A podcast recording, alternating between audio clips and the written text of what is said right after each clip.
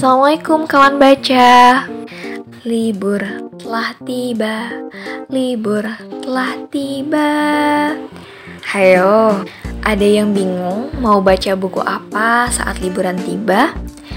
Nah, kami punya nih kisah singkat soal bagaimana menjadikan waktu liburan jadi sempurna. Buku berjudul Pini in Summer mungkin bisa menjadi jawabannya. Buku ini mengisahkan perjalanan Pini dalam mengarungi hari-hari musim panas yang segera berakhir. Meski hanya satu hari, tetapi Pini berhasil membuat pembaca merasakan petualangan yang menarik. Mulai dari petualangannya mencari batu ajaib pengabul permintaan, berburu blueberry bersama teman-temannya, memberi makan burung camar, hingga mengadakan pesta. Buku ini adalah karya dari Joan Swartz dan termasuk ke dalam buku anak. Buku ini hanya berisi 31 halaman.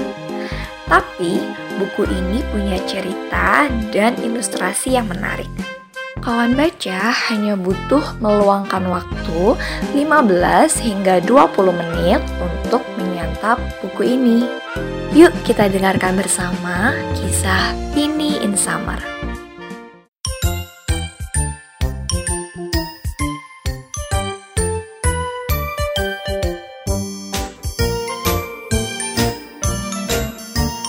Garasi baca Biman buka jendela dunia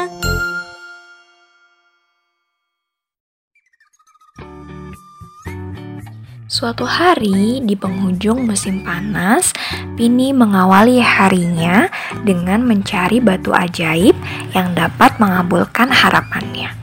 Pini melakukan pencarian batu ajaibnya sambil menikmati pemandangan musim panas yang indah.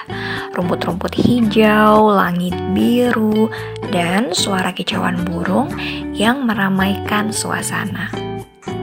Di tengah pencariannya, Pini tergelincir dan terjatuh. Kakinya terluka.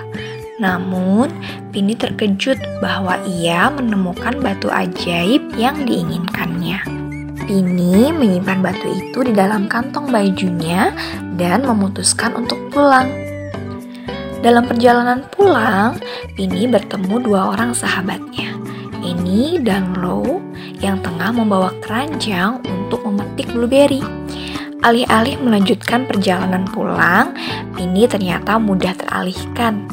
Ia memutuskan untuk ikut Annie dan Low untuk memetik blueberry. Pini berencana untuk membuat kue blueberry dan mengadakan pesta bersama sahabatnya untuk merayakan musim panas. Dalam perjalanan ke Bukit Blueberry, Pini melihat gumpalan awan yang indah dengan langit yang cerah. Pemandangan itu seakan mengajak Pini dan teman-temannya untuk berbaring sejenak memandangi keindahan alam itu. Tak lama setelah melamun memandangi langit, Pini teringat akan tujuannya memetik beri dan mereka bergegas menuju Bukit Blueberry. Cuaca berubah dengan cepat Langit cerah dengan gumpalan awan bak kapas kini berubah menjadi gelap. Tepat setelah Pini, Eni, dan Lo memenuhi keranjang dengan blueberry, mereka segera bergegas pulang, berlari menerjang hujan. Setibanya di rumah, Pini merasa lelah. Ia bersantai pada sebuah kursi nan gemuk dengan buku bacaan sembari mengeringkan tubuhnya. Saat itulah Pini berjumpa dengan burung camar. Burung itu mengetuk-ngetuk kaca jendela Pini seakan meminta makan dan tanpa pikir panjang, Pini memberinya sepotong roti. Hujan sudah reda, kini hari kembali cerah. Pini sudah siap dengan kue blueberry-nya untuk memulai pesta bersama kedua sahabatnya. Ketika hendak menyantap kue yang enak itu, tiba-tiba burung camar datang dan ikut nimbrung. Bahkan burung camar itu ikut menyantap kue blueberry. Ternyata burung camar datang bukan sekedar untuk makan, melainkan juga untuk mengembalikan batu ajaib milik Pini yang ternyata hilang dari kantong bajunya. Setelah burung camar pergi, ini dan Lo kebingungan. Mereka mengatakan bahwa kuenya tidak akan cukup untuk mereka bertiga. Tetapi Pini tak masalah dengan itu. Ia masih punya banyak blueberry untuk membuat kue dan mengadakan pesta lagi di esok hari. Hari itu diakhiri dengan harapan Pini. Ia berharap pada batu tersebut bahwa besok ia akan mendapatkan hari yang sempurna seperti hari ini. Apa ya hal menarik dan pelajaran yang bisa kita ambil dari kisah Pini in Summer? Satu hal yang perlu diapresiasi adalah ilustrasi di buku ini yang sangat indah dan imajinatif. Perpaduan warna yang hangat membuat pembaca terpesona dan ikut terhanyut dalam petualangan Pini. Kebahagiaan datang ketika Pini begitu menikmati harinya, termasuk tidak mengeluh saat ditimpa masalah. Banyak hal menarik dan pelajaran yang dapat kita ambil loh. Menariknya, kisah ini punya alur yang tak terduga. Misalnya, pada bagian awal cerita, kita disuguhi dengan ambisi Pini untuk mencari batu ajaib. Namun, pada bagian lainnya, batu ajaib itu seakan tidak penting. Saat pertama kamu membaca, alurnya kurang dipahami. Tapi ketika menyelami lebih dalam, kami menemukan banyak pelajaran dari kisah Pini. Penasaran gak? Penasaran dong. Menurut pembaca, kisah ini memiliki nilai hidup yang baik bagi anak.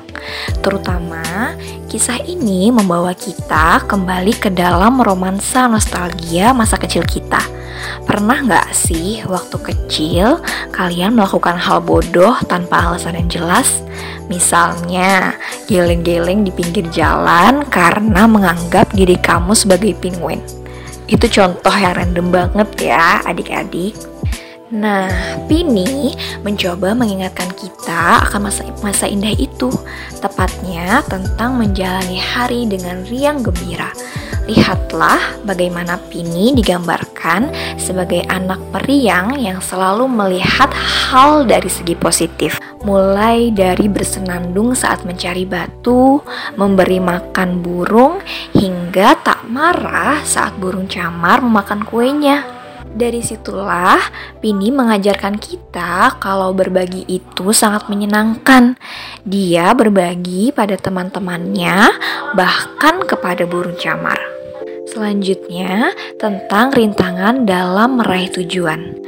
Pini berulang kali menemukan gangguan dan masalah dalam harinya.